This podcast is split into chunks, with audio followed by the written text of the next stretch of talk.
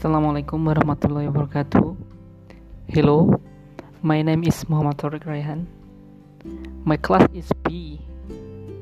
My nick number number is two zero nineteen zero eight one double zero sixty one. I come from Batang Regency, Central Java. Uh, I want to explain my task from listening, speaking, career development, and I was to ask to answer my question.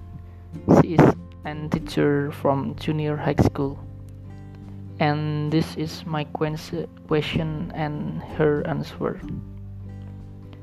Number one, tell us a little about your work experience and what made you like this. She answered she was moved to become a teacher because the teacher is a noble work that can prepare future generations. Number two, what do you think about your work day? Her answer is her day as a teacher uh, is her went through with sincerity and fun because she took her students were encouragement for her. Number three, do you enjoy most of your work?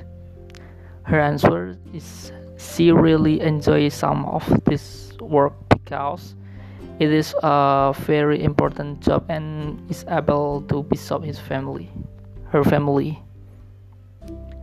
Number four, do you enjoy at least about your work?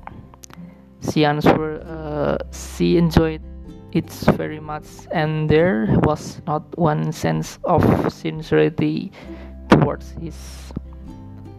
Number five, what skill do you think are most important for someone in a job like yours?